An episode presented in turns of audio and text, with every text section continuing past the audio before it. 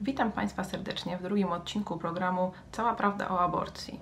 Program realizowany jest przez Fundację Pro Prawo do Życia, a podstawą e, teoretyczną do, do nagrań tych odcinków jest baza wiedzy, która znajduje się na naszej stronie internetowej www.stronażycia.pl.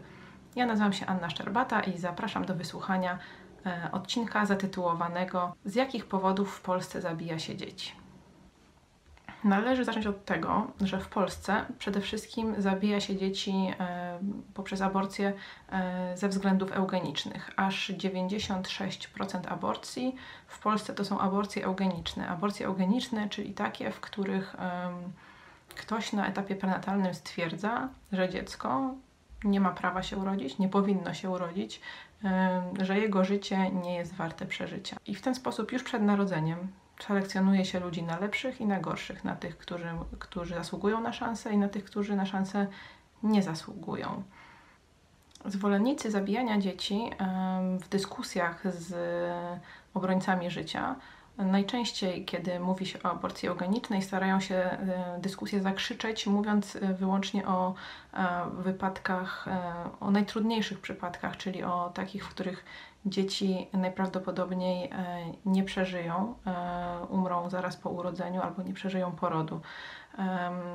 W tym miejscu należy zaznaczyć oczywiście, że to, że ktoś umrze, nie oznacza, że mamy prawo go zabić.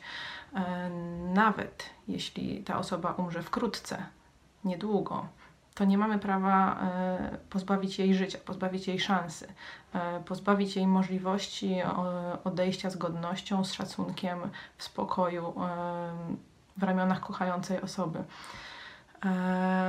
Aborcja jest do tego bardzo brutalnym sposobem zabicia człowieka, o czym mówię w odcinku zatytułowanym Mm, czy dzieci cierpią podczas aborcji.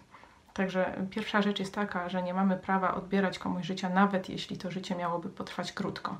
A druga rzecz jest taka, mm, że to nie te skrajne przypadki, to nie te przypadki najcięższych chorób są w Polsce odpowiedzialne za największą liczbę aborcji, ale e, wskazaniem do zabicia dziecka e, najczęściej jest podejrzenie, podkreślam tutaj podejrzenie, że wystąpi u niego e, zespół Downa.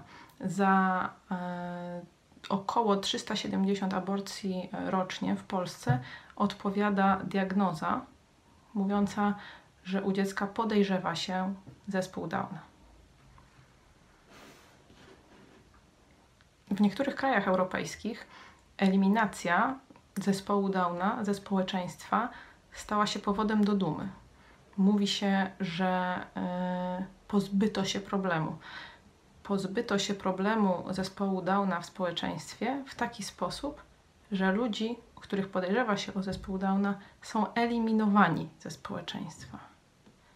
Myślenie eugeniczne prowadzi właśnie do takiego sposobu pozbywania się problemów. Pozbywa się problemów, pozbywając się ludzi, którzy mogliby te problemy spowodować. Dla społeczeństw takich jak właśnie Islandia czy Holandia problemem jest najwyraźniej patrzenie na ludzi chorych, patrzenie na ludzi niepełnosprawnych.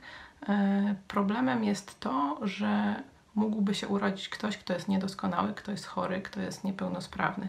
I e, takie osoby eliminuje się, zanim zdąży, zdążą się narodzić. E, żeby uzupełnić trochę wiedzę na temat tego, jak e, przebiega aborcja mm, na dzieciach chorych, e, polecam Państwu przesłuchać także odcinek właśnie, czy dzieci cierpią podczas aborcji.